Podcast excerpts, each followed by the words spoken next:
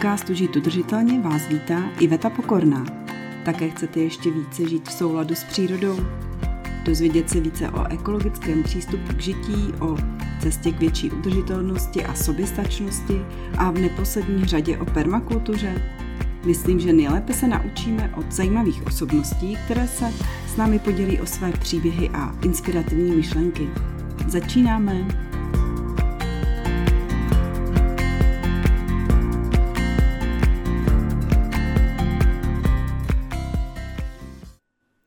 Vítám vás v další epizodě podcastu Žít udržitelně.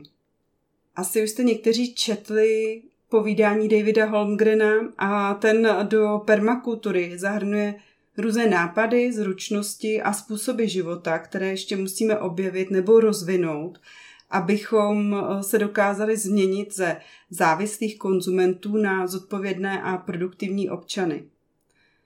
Jedním z nástrojů permakulturního designu eh, je zónování.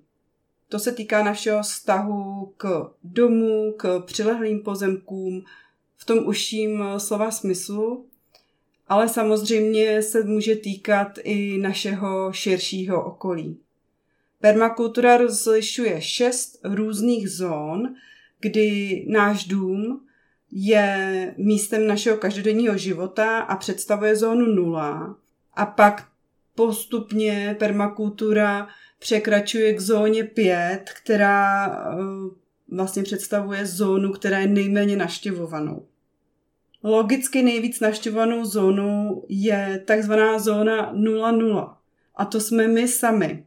Eh, jak naše duševní eh, stránka, tak i naše fyzická schránka. A právě i o tu zónu 0,0 bychom se měli starat, protože to je základem potom dobré péče o ty další zóny. A právě proto jsem si dneska pozvala do epizody podcastu Žít udržitelně Lenku Chabovou, která už více než 15 let eh, se věnuje joze je lektorkou jogy a zakladatelkou studia Yoga od hlavy až k patě, sídlí ve Štětkovicích, eh, což je tady u nás ve středních Čechách. A původní profesí je pedagog. Moc tě tady, Leni, vítám. Ahoj. Ahoj.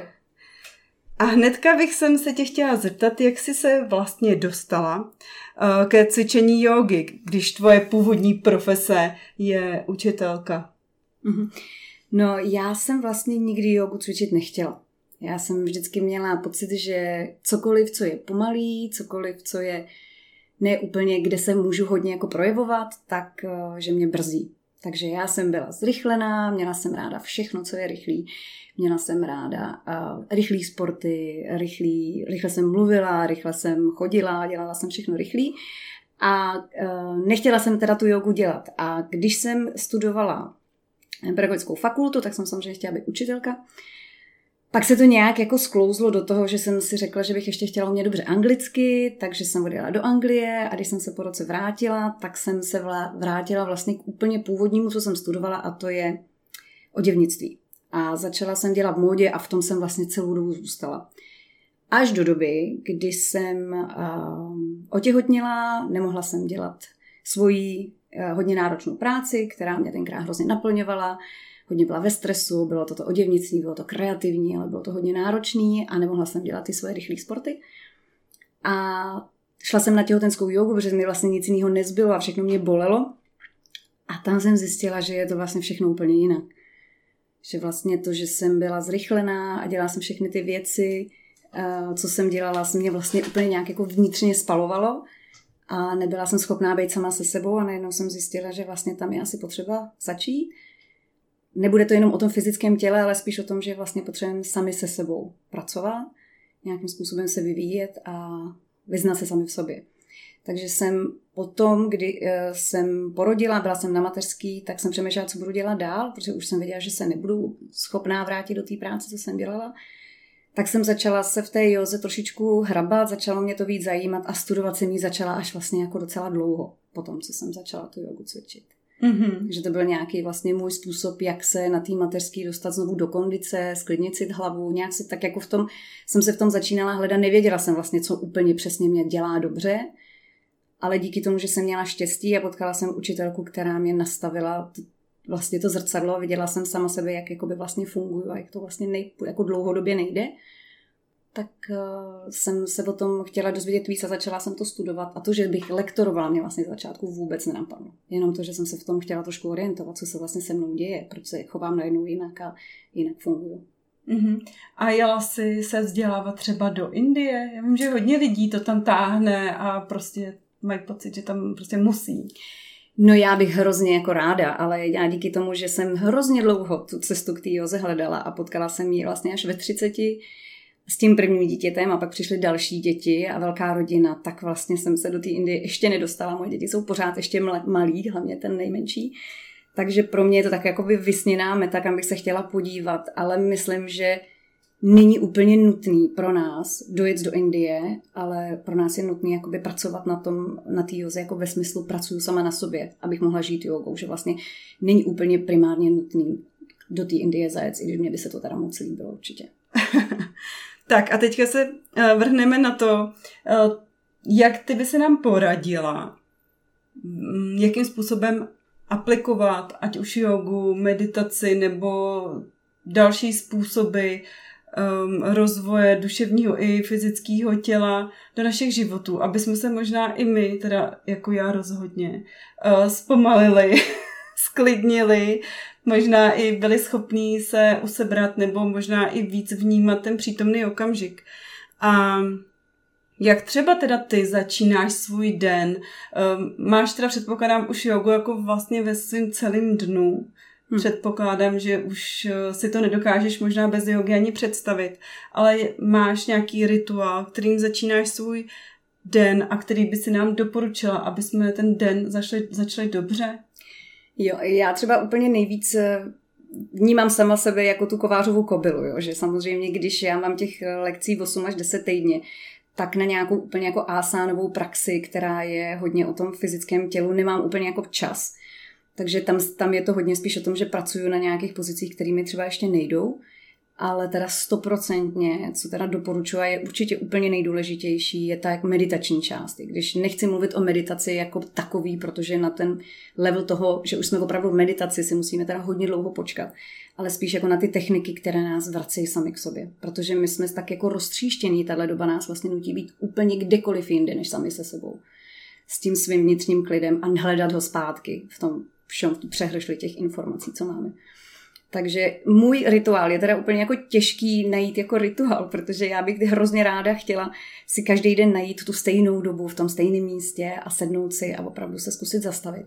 Ale s těma třema dětma třeba ty rána jsou pro mě strašně jako těžký, takže u mě je to tak, že já když najednou přijde chvíle, kdy doma nikdo není, tak si někam zalez. No je pak už jako jedno, kde si to místo najdete, ale najít si místo, kde vám je dobře, kde vás jako nic neruší, že třeba jak jsme zvyklí v té domácnosti ty ženský dělat všechny ty věci, kromě toho starat se sami o sebe, tak je pro nás hrozně těžký si najít místo, kde to je opravdu proto vhodný.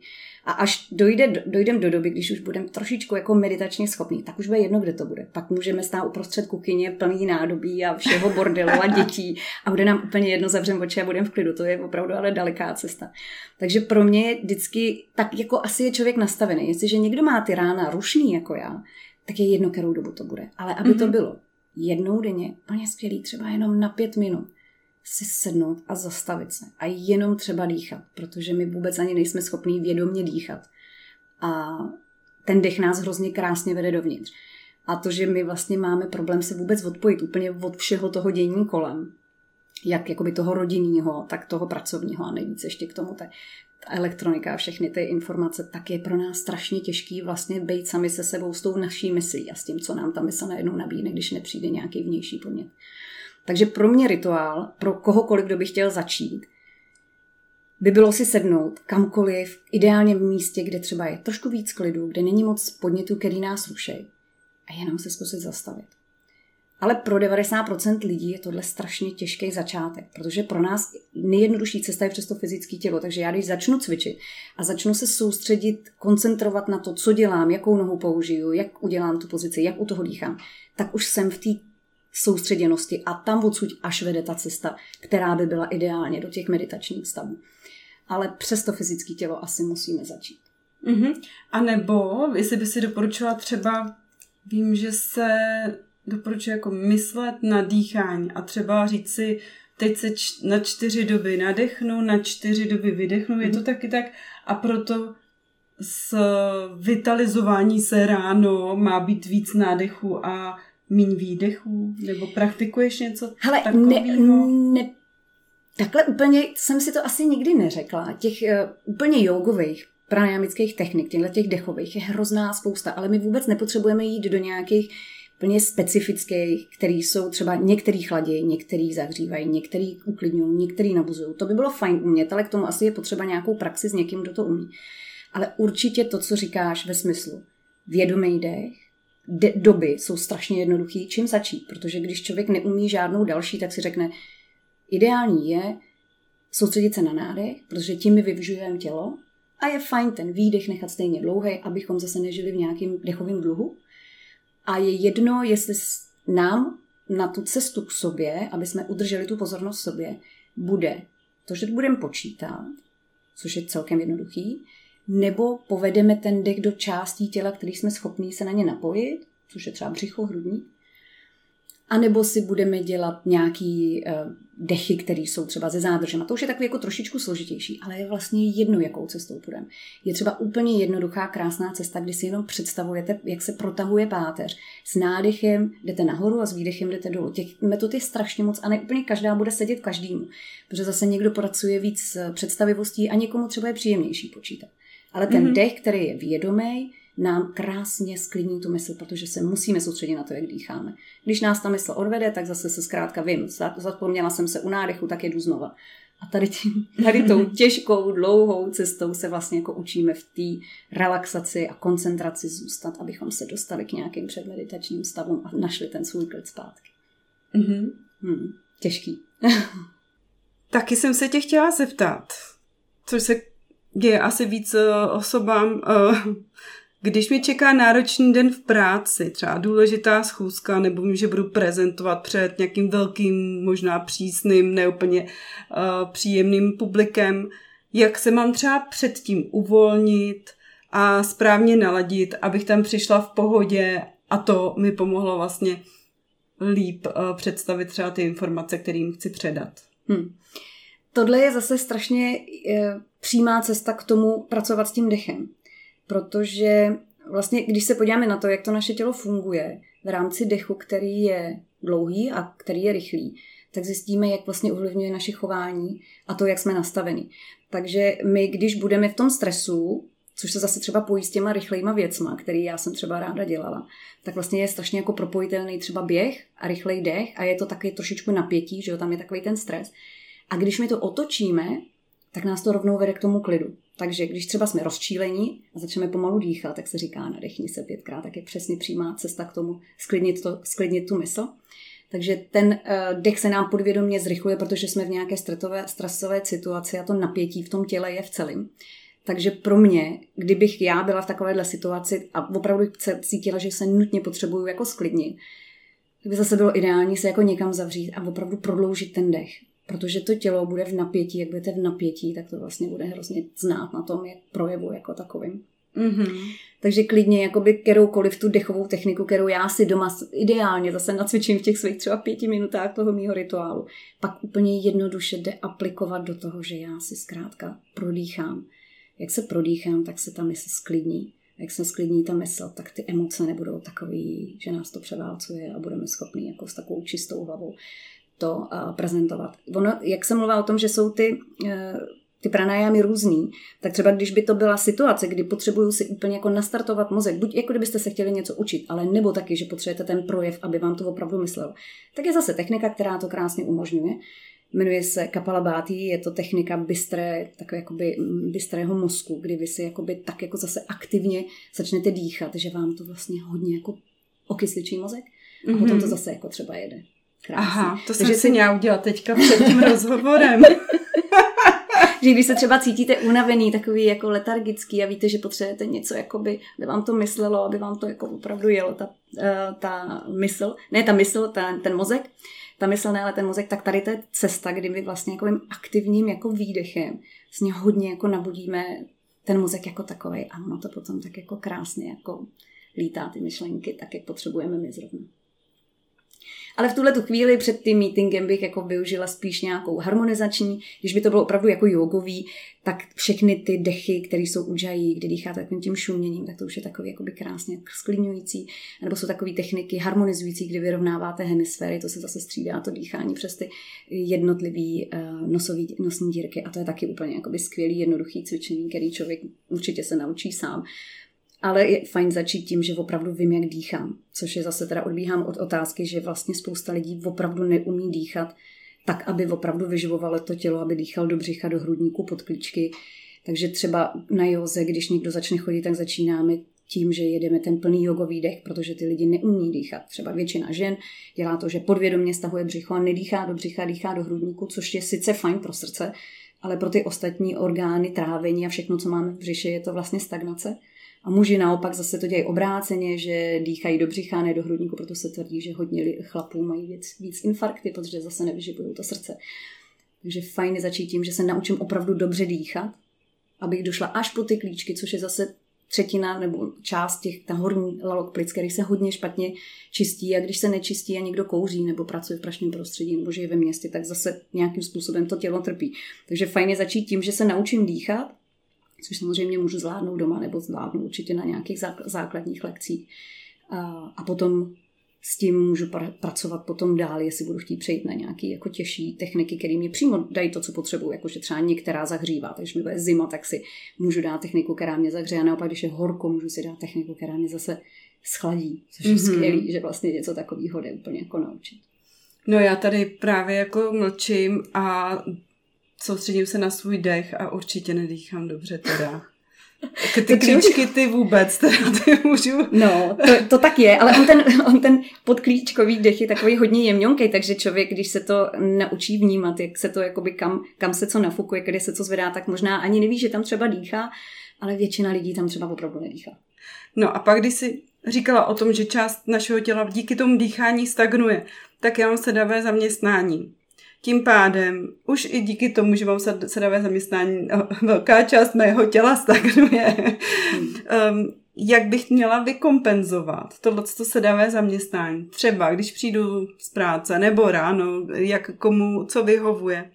Uh, stačí třeba si dát, nevím, pozdrav slunci ráno, hmm. nebo když se vrátíme. Hele, já si myslím, že jestliže člověk třeba neumí jakoby těch pozic hodně, tak s pozdravem slunce uděláme strašně moc práce. Jo, těch pozdravů slunce je několik, jakoby spoustu, vlastně je docela hodně, podle toho zase, z jaké jogové školy to vychází. Ale i ten úplně nejjednodušší se dá udělat tak, že i člověk, který není hodně protažený, není žádný sportovec, nemá žádnou svalovou hmotu, tak může dělat pozdrav slunci, kde se nejvíc těch svalových partí protáhne i posílí a vlastně udělá strašně moc práce. A nezabere to moc času, pět pozdravů slunce, to je pár minut a každý by se to určitě zvládnul vložit do toho dne.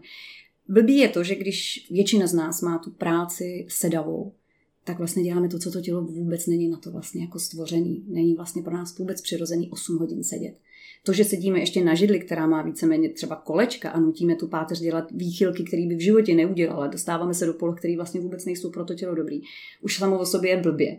To, že tam sedíme hodně hodin, je jasný, že tu páteř neudržíme to, že stagnují nám vlastně všechny ty systémy, protože ta gravitace nás hrozně táhne dolů, že se nám zkracují nohy a že vlastně ještě si ničíme ruce na myši a ty karpály mají všichni teď, co dělají hodně, hodně na počítači, tak je jasný, že vlastně už zásadní je blbě být tam tolik hodin, což je hmm. hrozně těžký řešit, když člověk musí být 8 hodin v práci.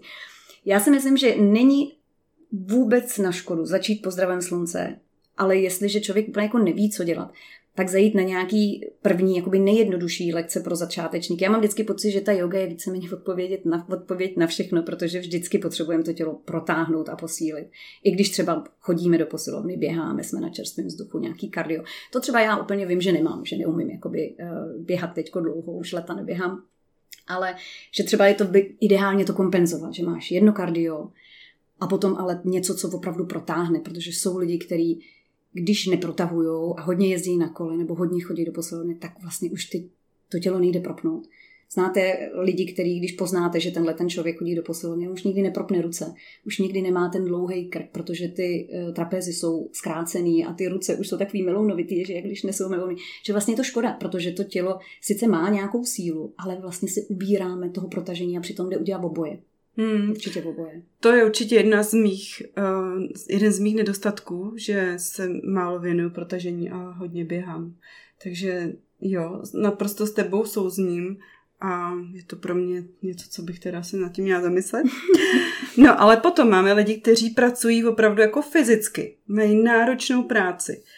Přijdou domů a jediná myšlenka je asi gauč, hmm. nebo prostě horizontální poloha kdekoliv. mají i oni se protahovat a věnovat józe. Hmm, stoprocentně. Protože když se podíváme na jakoukoliv fyzickou práci, tak hodně často je jednostranně zaměřená k jedné straně, což je vlastně úplně primárně špatně. A druhý je, že nikdo, kdo pracuje fyzicky, i když je hodně vyčerpaný, není schopný přemýšlet nad tím, jak ty věci zvedá, jak se uhýbá, jak krčí kolena, jak, jak se staví k té páteři. A bohužel, když zjistíme, že i když budeme hodně jakoby pracovat fyzicky, budou nás bolet záda, protože zkrátka ty záda nejsou protažený, nejsou posílený a nejsou kompenzovaný právě k těm výchylkám, když ta práce je jednostranná. Takže i kdyby jsme si řekli, tenhle ten člověk je hodně unavený na to, aby šel na jogu, tak nemusí dělat dynamickou lekci. Může dělat lekci, kde bude dělat ty pozice hodně uh, statický a bude u toho dýchat, aby to tělo mělo šanci to kompenzovat. Bohužel, no, nedá se to úplně jako vysadit. Mně přijde jako, že je spousta lidí, který mi říká v mém věku, uh, Ježiš, mě tak všechno bolí. Mě bolí, mě bolí záda, mě bolí tohle. A jsou to, je to jedno, jestli jsou, jsou to lidi, kteří celý den uh, sedí u počítače nebo celý den běhají, dělají cokoliv jako v pohybu. Zkrátka to tělo nemá šanci se nějak jakoby harmonizovat a dělat všechny ty věci v obou My vlastně od té doby, co se učíme uh, když jdeme do školy a začínáme se soustředit na to, jestli jsme praváci a leváci, tak už se vlastně strašně překlápíme k té dominantní straně. A jedině, nebo určitě těch sportů je víc, ale v tom v té joze se strašně dbá na to, aby to bylo pořád pravá, levá, všechno stejně. Záklony, předklony, úklony, rotace, pořád vlastně kompenzujeme všechno pro to, aby ta páteř, aby byla dobře funkční, mohla jít dopředu, do zádu, do stran a na všechny strany by to bylo hmm. dobře. Že aby jsme nevynechali žádnou část. A proto já třeba si obávám, že když bych si řekla, jestli chci, aby mi bylo dobře, tak bych na tu jogu samozřejmě mě přijde logicky potřebovala jít, aby jsme prošli celé to tělo. Že doma fajn, ten pozdrav slunce bude skvělý, tam vememe ty nejvyšší, ne jako ty největší partie, ale jestliže někdo třeba trpí na kyčle, tak mu pozdrav slunce moc jako neodpoví. Když někdo bude potřebovat naopak ehm, dělat rotace, v pozdravu slunce žádná rotace není. Ale jsou zase lidi, kteří už došli tak daleko, že mají vykřezlý potinky a ty zase třeba na tu jogu moc nemůžou, protože ty, ty, ty rotace zase jakoby nemůžou dělat. Takže pak už třeba jsou uh, potřeba aby šáhli na nějakou individuální lekci, kde se ty rotace dělat nebudou, aby se ty plotinky jako nevyhýzly hmm. zpátky, nebo aby se teda uh, nevychýlili ještě víc. To doufám, že takhle nedopracuju teda. že začnu co nejdřív uh, intenzivněji tedy chodit nebo to jogu praktikovat. No a já bych ještě zůstala trošku u toho návratu domů z práce často si člověk nese v hlavě domů tu práci a těžko se od ní odpojí. E, pořád třeba ti to šrotuje v hlavě i před usnutím vlastně. Co by nám yoga mohla nabídnout nebo jak by nám mohla pomoct? Případně meditace v tom, aby jsme vypli a věnovali se naplno rodině a třeba sobě a tak. Hmm. Já bych hrozně uh, se chtěla na to podívat tak, jaký člověk je.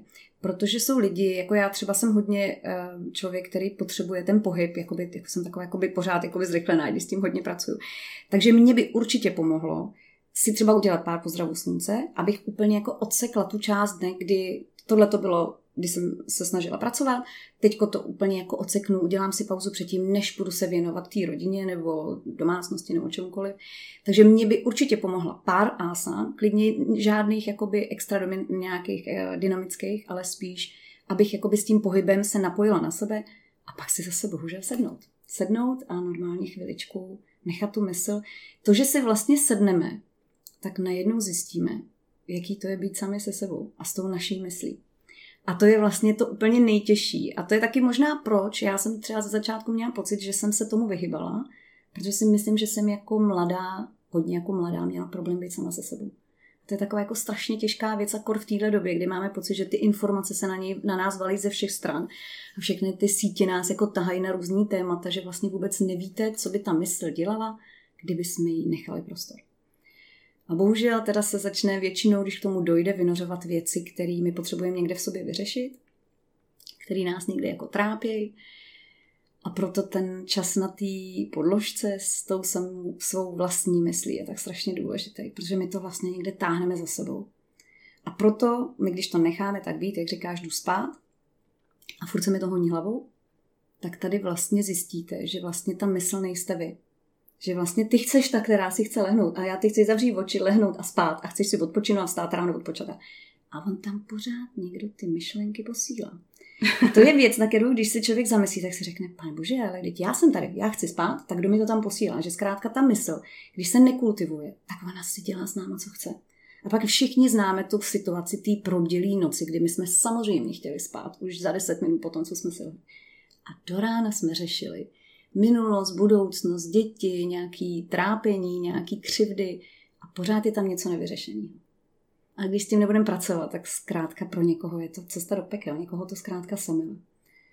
Ale přes ten fyzický pohyb je to fajn, tam zkrátka už dostáváme trošičku jako zjemňování. Ta yoga tady lidi trošičku mění z takových těch jako z těch horních vrstev, z takových těch, bych to řekla, jak mají želvy ty krunýře, že my jsme takový jako schovaný, někde jako takový zraněný a nechceme se otevřít a najednou zjistíme, že skrz ten pohyb, skrz ten dech se tak jako spoustu věcí tak jako odloupne samo.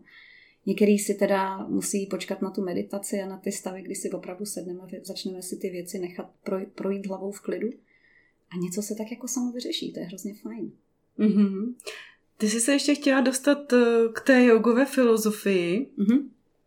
A máš to tak hezky jako připravený a právě mě to teda hodně překvapilo to, že ta meditace je teda až téměř vrcholem jogového umění. Čím teda vlastně ta yoga začíná, ta cesta s tou jogou? Hmm. Ono to vlastně všechno plyne z toho, eh, z té jogové teorie. A ta je to samozřejmě spousta lidí, kteří jogový, nějaký jogovým vzděláním prošlo, Eh, ví ze, z popředu pozadu, ale je to zkrátka tak, že ta, za prvý ta yoga je tak strašně stará jako lidstvo samo, že zkrátka ten Patanjali, kterým, o kterým se tvrdí, že je praotec jogy, že asi 200 let před Kristem, takže je to fakt jako strašně starý, jak se to předávalo, tak různě vždycky učitel žák, tak se samozřejmě spoustu věcí jako vymyslelo, nevymyslelo, něco se přidalo později, něco dřív.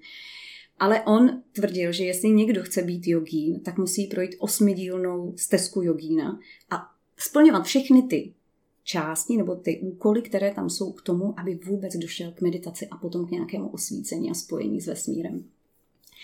A e, je fajn, že když to člověk začne studovat, že vlastně mu přijde, že spousta věcí je vlastně v nás, anebo v nás bylo a my jsme to zapomněli a že vlastně, aby jsme měli dobrý pocit z toho, když tu jogu děláme, tak vlastně nám přijde logický ty věci tam mít. A když bych to vzala jenom tak jako letem světem, tak eh, tou první jsou jáma, co jsou morální omezení. A je jich tam pět a třeba jenom pro uh, představu, jedno úplně krásný je satya, což je pravdomluvnost. A to je o tom, že my vlastně často se schylujeme k tomu, že neříkáme, co si myslíme a podle toho se potom chováme a že, to, že jde vždycky o té myšlenky k tomu záměru a nejde jenom o to, jak to děláme ve svém životě, takže vlastně chceme jako žít jogou, my chceme žít té pravdě a dělat ty věci tak, jak mají být, nelhát a jako nevymýšlet si, ale i dělat to při té praxi. Že vlastně já si nebudu nalhávat, že dneska můžu udělat, nevím, roště, stojku na hlavě, ale že budu dělat to, na co opravdu mám mm-hmm. a nějakým způsobem sama v sobě žít v té pravdě. A nemyslet si něco jiného a něco jiného dělat. Jo, a tak takovýhle je tam pět a jsou jakoby hrozně zajímavý, že vlastně na to strašně moc jako zapomínáme. Tam je hodně jako paralela tady ty první dva kroky k jakýmukoliv náboženství, těch základních, jako třeba k tomu křesťanskému.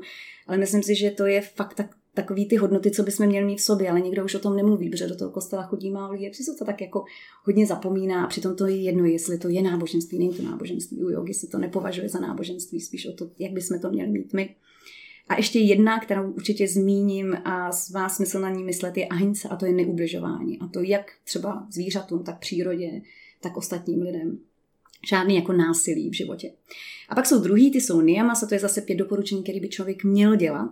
A tam je zase jedna úplně nádherná a to je santosha, a to je spokojenost, což je zase věc, na kterou my jsme jako strašně zapomněli, že je přirozená a že je to v nás, jestli ta spokojenost, to štěstí, který ve výsledku všichni jako o, něm, o něj se snažíme, že to nebude o tom, kde budeme bydlet a čím budeme jezdit a čím telefonovat, ale že to je vlastně naše rozhodnutí a práce na nás samotný.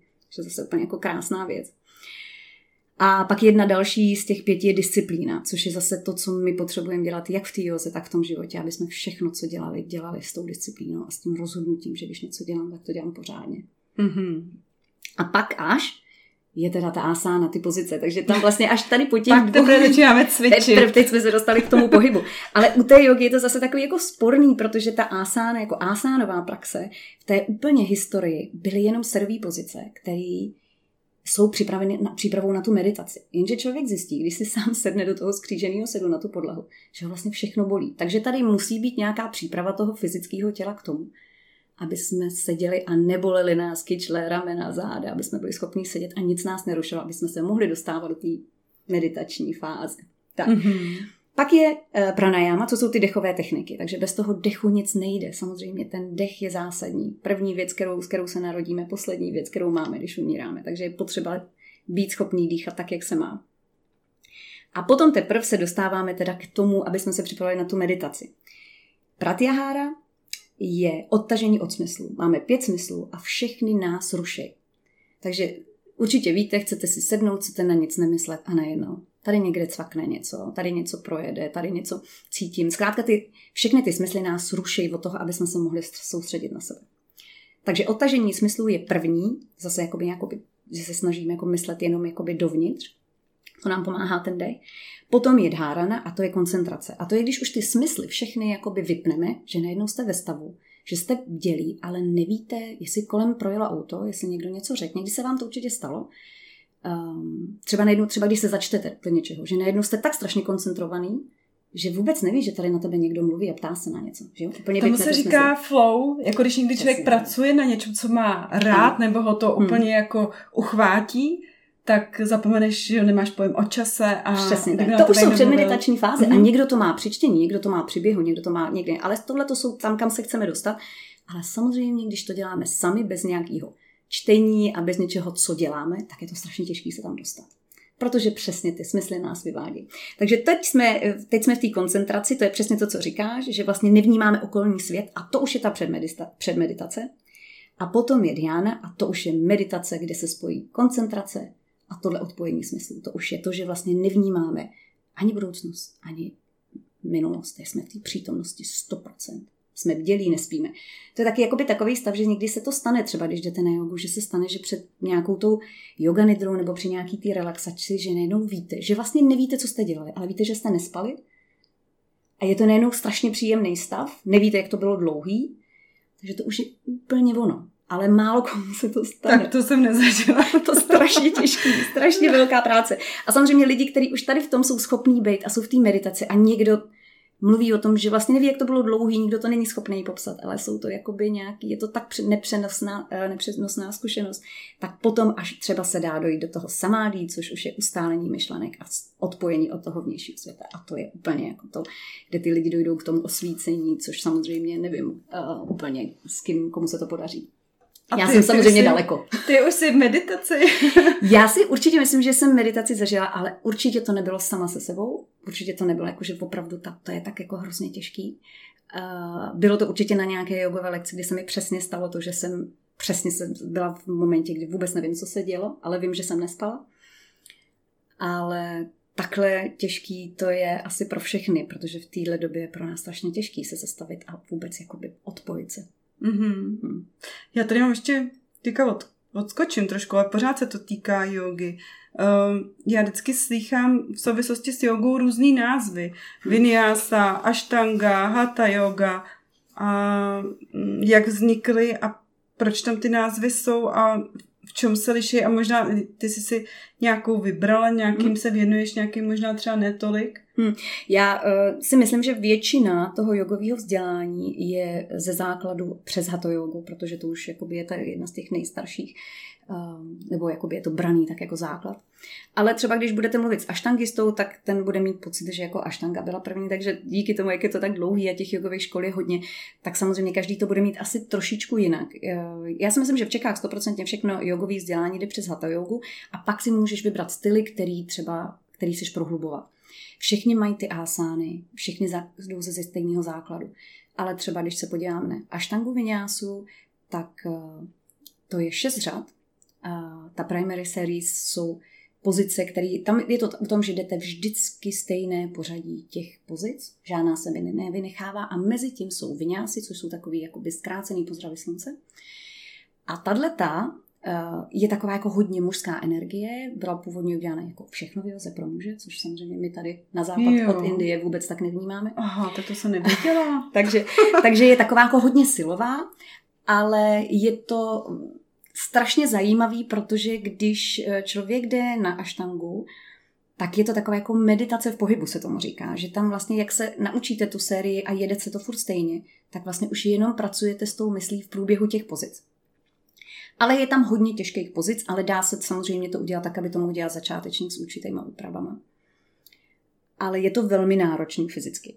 Pak je uh, vinyasa, která je jakoby odnoží té aštangy, kdy my si můžeme dělat ty, uh, ty lekce tak, jak chceme, ale zase se tam uh, objevují ty vinyásy, takže mezi pozice, kterými si náhodně vybereme, v nějakém teda samozřejmě smysluplném pořadí si dáváme tyhle ty částečné pozdravy slunce, takže to propojeme a vždycky to jde s dechem. Takže v té viňáse je to takový rychlejší, v aštance se zůstává pět dechů, v té eh, viňáse je to takový, že já třeba mám tenhle styl moc ráda z toho důvodu, že každá ta lekce může být jiná a může ji přizpůsobit lidem, kteří přijdou. Ale samozřejmě nedělám to se začátečníkama, protože pro mě je ten, pro ty začátečníky lepší, když se učíme základní pozici bez toho, jaký jsou mezi nimi přechody. Spíš se snažíme jakoby projít celé tělo v nějakých jednoduchých přechodech, aby to bylo pro kohokoliv s nějakýma obtížema a s nějakýma limitama. Mm-hmm, mm-hmm, jasně. My jsme tady hodně mluvili o meditaci. A já jsem tady měla otázku, jak ji provádět. A teď jsme si řekli v těch uh, osmi krocích, že teda k ní je teda opravdu dlouhá cesta. A ještě jsem se chtěla zeptat, jestli vlastně si můžeme vytvářet nějaké své meditace, nebo já jsem tam jako narazím na uh, nabídku, že mi někdo pošle nějakou meditaci. Hmm. Co to teda vlastně je? A je to vůbec pro mě jako použitelný pro lajka? Já si myslím, jako samozřejmě můžeme asi v tuto dobu narazit úplně na cokoliv, takže úplně bych neřekla, že cokoliv, co najdeme pod slovem meditace, tak bychom měli použít, to určitě ne, ale uh, ty jednoduchý jakoby vstupy do toho, začít trénovat tu meditaci, jsou vlastně pořád přes ten dech. Jsou tam nějaké afirmace, nějaké jakoby věci, co si můžu, když mám nějaký záměr, když vím, že třeba chci dosáhnout toho, abych byla šťastná, tak eh, je dobrý do těch našich jakoby míst, kdy si myslí. Já tomu nechci říkat meditace, protože opravdu si myslím, že tam hrozně dlouho jdeme, než to můžeme nazvu, nazvat meditace, ale ty přípravy, ty relaxace, ty doby, kdy my si fakt sedneme a snažíme se pracovat sami se sebou, tak eh, aby jsme si tam vkládali podle toho, co vlastně je pro nás teďko zásadní. No můžeme ten záměr mít ideálně hrozně dlouho, a pracovat na tom, že si zkrátka řeknu, budu uh, se snažit pracovat na tom, abych nějakým způsobem se sklidnila a zharmonizovala na to, abych eh, žila šťastnější život. A samozřejmě přes ten dek, přes to jakoby práci sama se sebou. Mm-hmm. A je jedno, jak to nazveme. Vlastně možná najdete, já jsem taky už zkoušela uh, nějakou uh, aplikaci, která byla jakoby na meditaci. A přišlo mi vlastně hrozně fajn, že pro člověka, který třeba vůbec o tom nic neví, uh, byla některá o tom, že se právě přechází přes to, že se počítá na dech výdech. Potom, že se přechází přes ty smysly, že se snažíme sledovat ten dech, kam jde. Že vlastně jsou určitý kroky, které nás vedou k tomu, aby jsme pochopili, jak na to. A pak je jedno, jak tomu říkáme, a je jedno, kam až dojdeme, protože vždycky to bude ta nějaký posun, který my, ke kterému dojdeme tím, že pracujeme se, sami se sebou a s tím dechem. Mm-hmm. Z toho, co říkáš, jak chápu, že teda to dýchání je hmm. úplně vlastně prazáklad hmm. Hmm. všeho, což by člověk mohl říct, tak dýchám sám, to hmm. prostě jde to samo. No. Ale není to tak jednoduchý. Uh, je teda pravidlem u toho dýchání, že máme myslet na jako celý hrudník i celý břicho a pak teprve je to správné dýchání. Nebo Nebo ne, nebo jak na to dýchání? Teda když, nevím, si najednou uvědomím chvilku někde čekám, sedím, co můžu vlastně udělat pro to, abych se naučila dobře dýchat v ten hmm. okamžik? Hmm. Ono vlastně, já třeba mně přijde ten plný jogový dech takový jako základ sledovat, jak vlastně dýchám. Ale když bych chtěla, aby to byla moje, moje nějaká vstupní brána na to, že se chci jakoby učit meditovat, tak si myslím, že úplně stačí to, že si řeknu, budu dýchat vědomě, budu dýchat hluboké dechy a půjdu tak třeba, jak jsem schopná ten dech sledovat. Takže můžeš si říct, že se nadechneš zhluboka, vždycky fajn dýchat nosem. Sice jsou techniky, kde se vydechuje ústy, ale pořád pro nás lepší dýchat nádech, výdech nosem. A dojdu třeba s tím, že se zkusím dojít do břicha, kde jsem schopná jako vnímat ten dech a uvědomím si, že to břicho se nafoukne. Ono se to tělo samozřejmě nafoukuje do všech stran, ale že se vlastně jako jsem schopná spojit s tím, cítím, kam ten dech dojde ten, to břicho se nadfoukne a potom zase se vyfoukne a já můžu sledovat ten dech, jak jde ven. Ale to je zase jako jedna z milionů technik, který člověk může použít. Důležitý je si vyzkoušet ten plný jogový dech jenom z toho, aby jsme sledovali, jestli opravdu někde jako nepou, že třeba nepoužíváme určitou část, že jakoby někde jsme v nějaký blokádě, že opravdu třeba nedecháme do hrudníku. To poznáš ty lidi zkrátka, co nedechají do hrudníku, tak hodně jsou v ohnutý páteři, mají jakoby takový zavřený ten hrudník, nemůžou, vlastně nedávají prostor těm plícím, neumějí pracovat s tím hrudním košem, neumějí to rozšířit, aby dál, aby mohlo vlastně to tělo dobře vyživovat. Tím, že, si, že ty plíce používám kompletně. S tím říkem si myslím, že je to vodost jednodušší, protože to se hezky spojujeme, ale třeba když se to učím uh, trénovat lidi, jak vnímat to, ten dek do toho hrudníku, tak pro ně je strašně třeba těžký dát si ruce na ten hrudní koš a s nádechem ten hrudní koš rozšířit. Že jakoby vnímají, že se jim ty ruce jako rozšíří do stran a že ten hrudní koš si opravdu může jako rozšířit a dát prostoru těm orgánům. Což samozřejmě u toho břicha člověk zvládne. I když to třeba má podvědomě nějak jako stažený, že, to, že my ženy vždycky máme pocit, že nemůžeme ukázat, že to břicho máme. A pak je to vlastně úplně jako špatně. Ale s tím hrudníkem je to třeba pro někoho hodně těžký. Mm-hmm. Hodně jsme mluvili o pozdravu slunci. Je to teda taková základní protahovací sestava, kterou by si doporučila nám se naučit? Jo, určitě. Určitě. Pro mě, eh, já si třeba myslím, že spousta lidí, když třeba vůbec žádný sport nedělá a jsou hodně zkrácený, tak třeba už jenom postavit se do toho psa s hlavou dolů, do té střechy je pro něj hrozně těžký, protože vlastně nejsou schopni tu, prá, tu páteř natáhnout a ty hamstringy, eh, když jsou zkrácený, oni lidi mají hodně tendenci protahu propínat ty nohy a potom mají celou ohnutou páteř. Takže třeba i zůstat v té střeše je pro ně hrozně těžký. Ale když by uh, chtěl člověk nějak začít a věděl, že by i tohle bylo pro něj náročný, tak začít protahovacíma cvikama, kdy nejdřív protáhnuší hlavu, ruce, nohy, trup. Ale to je pro spoustu lidí jako těžký si to všechno jako skompletovat do nějaký jako užitečný lekce. Takže já si myslím, že kdyby člověk chtěl začít s tou jogou, je fajn jako začít jako s někým. Hmm. Protože jestliže člověk má nějaký základ a um, nebo párkrát na Joze byl a zkusil si ty pozice a třeba možná si i řekl o nějakou opravu, aby třeba věděl, že třeba v tom psa, psu hlavu dole v té střeše se nikdo nevidí, tak eh, potom už na to může pracovat. Ale nepodíváte se sami sobě do zrcadla. Ono se to ani jako úplně nedoporučuje cvičit před tím zrcadlem, protože ve své podstatě vy se potřebujete stáhnout dovnitř, nekoukat na to, jestli vám někde něco vykukuje, nebo když jste na lekci, abyste viděli, kdo má jaký tričko, že to jsou takové rušivý elementy ale že je vlastně fajn, když víte, že, vá, že tu pozici děláte dobře. U toho pozdravu slunce je to fajn, ale u toho protahování záleží, koho co trápí. Hmm, že třeba když máte tuhej krk, tak to zvládne určitě každý si natáhnout k jedné straně, hmm. druhý, ale zase, když do toho člověk nebude dýchat tak, jak má, tak to vlastně úplně jako nepomůže. Hmm. Hmm. Z toho vyplývá jasně, že je dobrý na začátku prostě chodit na jogu, pochopit jí, naučit se dýchat, jako všechno. naučit se základní, základní hmm. pozice. Hmm. Máš Leni třeba u sebe na webu uh, nějaké video, kde bychom se mohli podívat, uh, nebo nějakou sestavu, nebo máš tam sestavu uh, pozdravu slunci?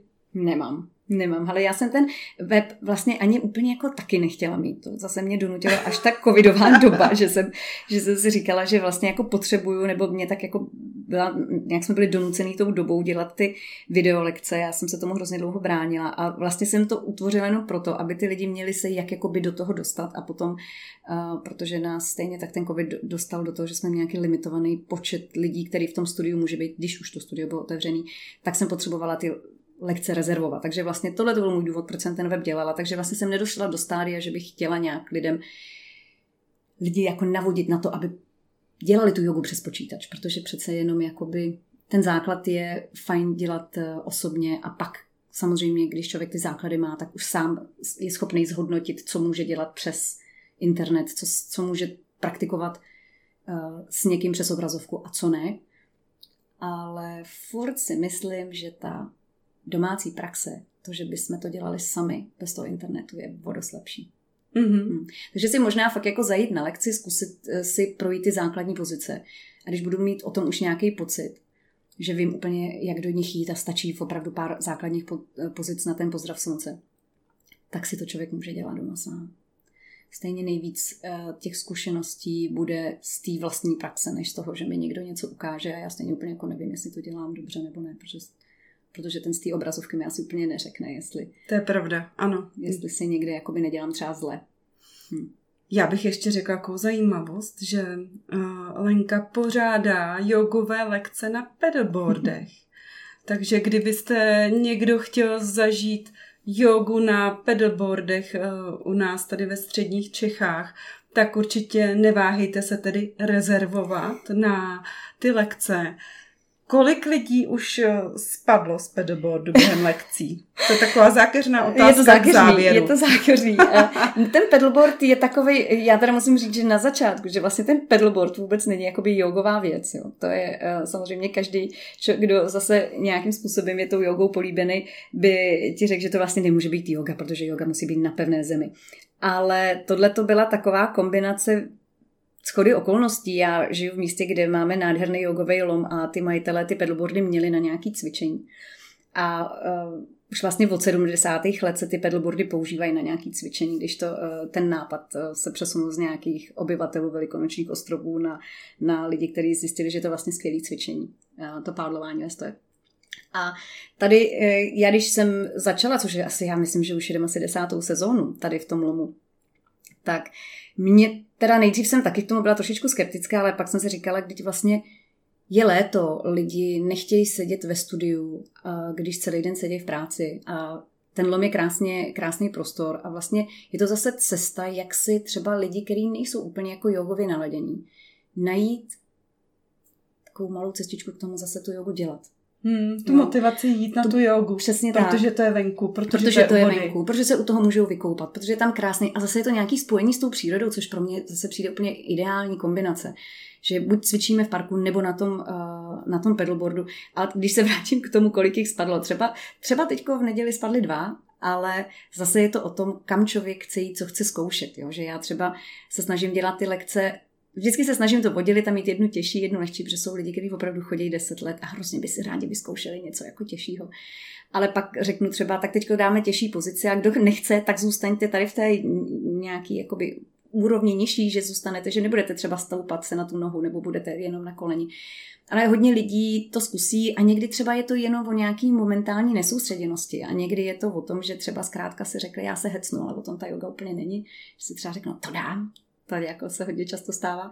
A někdy je to opravdu jenom náhoda a spadnu ale na druhou stranu s tím asi člověk do toho lomu jde, že to vlastně no, nevadí. No, a že... spadne rád. A spadne rád. Do krásné vody. do krásné vody a je to zase tak jako trošku jakoby odlehčení toho, té lekce. Ale je to zajímavý, já to mám hrozně ráda v tom létě, že to můžeme nějak propojit a ty lidi zase je to taková trošičku komunitní věc, že ty lidi zase rádi přijdou a zase se tam sejdou a jsou to takový jako jiný třeba lidi, než ty, co chodí na lekce, takže to máme takový jako hezky Hezky pestrý. Pestrý, přesně tak. Já ti moc krát děkuju. Kdyby někdo se chtěl podívat eh, na tebe a na to, co děláš, tak by mhm. šel na yoga od hlavy až k patě.cz a nebo na Facebooku taky si... Na Facebooku taky jsem. Tam jsem teda pod Yoga Štětkovice, což bylo ještě předtím, než jsem uh, si jakoby snažila nějak jako pojmenovat to, co chci dělat. Takže ještě předtím, než byl web, a tak už to tam tak zůstalo, protože jsem zase začínala tady, jak jsem chtěla, aby věděli lidi, kteří chtěli na jogu tady, kam mají jít. Takže Yoga, Yoga Štětkovice mm. na Facebooku. Mm. Mm, super. Ještě něco by si chtěla sdělit, anebo nějaké slovo závěrem, poselství? Mm. Jenom tak jako jak přemýšlím nad tím, jak vlastně my poslední dobou jsme takový jakoby vláčený tím, eh, jak nás spousta těch eh, informačních technologií ovlivňují. A hodně nad tím přemýšlím, že vlastně jakoby člověk v poslední době úplně ztratil tu, takovou tu svobodu být sám se sebou. A že si necháme jakoby různýma informacema ovlivňovat celý den a ztrácíme úplně jako svobodu v tom dělat a myslet na co chcem. A že vlastně je hrozně fajn se zkusit uh, úplně jako odpojit a napojit se na sebe, protože bez toho to nejde. Že jestli člověk chce být spokojený a šťastný, tak musí jít přes sebe, zazdrojovat sebe, aby pak mohl být spokojený a všichni kolem něj. Protože když my budeme ve stresu alebo rozlítaný, roztříštěný, vlastně nemůžeme vůbec jako pomoct sami sobě, tak nemůžeme pomoct ostatním, jako v letadle. Musíte nejdřív se zaspoko- uspokojit sami sebe, ty to nemyslím nějak sobecky, myslím tím, jako že se jakoby dostat do nějakého klidu, do nějaké harmonie. A pak to může být tak jako všude kolem harmonický. Mm-hmm. Tak moc krát děkuji za závěrečné slovo. Děkuji za to, že jsi přišla a doufám, že nejenom mě, ale i ostatní Lenka namotivovala, abychom začali chodit na jogu a protahovat své těla a myslet eh, teda nejenom na tu tělesnou schránku, ale i na tu duševní. Děkuji moc, měj se krásně. Já Hezké léto. Děkuji. Díky, krásný léto.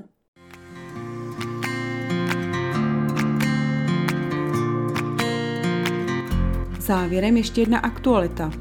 V sobotu 26. srpna 2023 se koná letní jogový festival v divadle Hogofogo v Drážkově u Sedočan. Určitě přijďte. Připraveny jsou čtyři lekce jogy, přednáška Hanky Zemanové, koncert a další doprovodný program. Detaily najdete v aktualitách na webu www.yogaodhlavy až k patě.cz.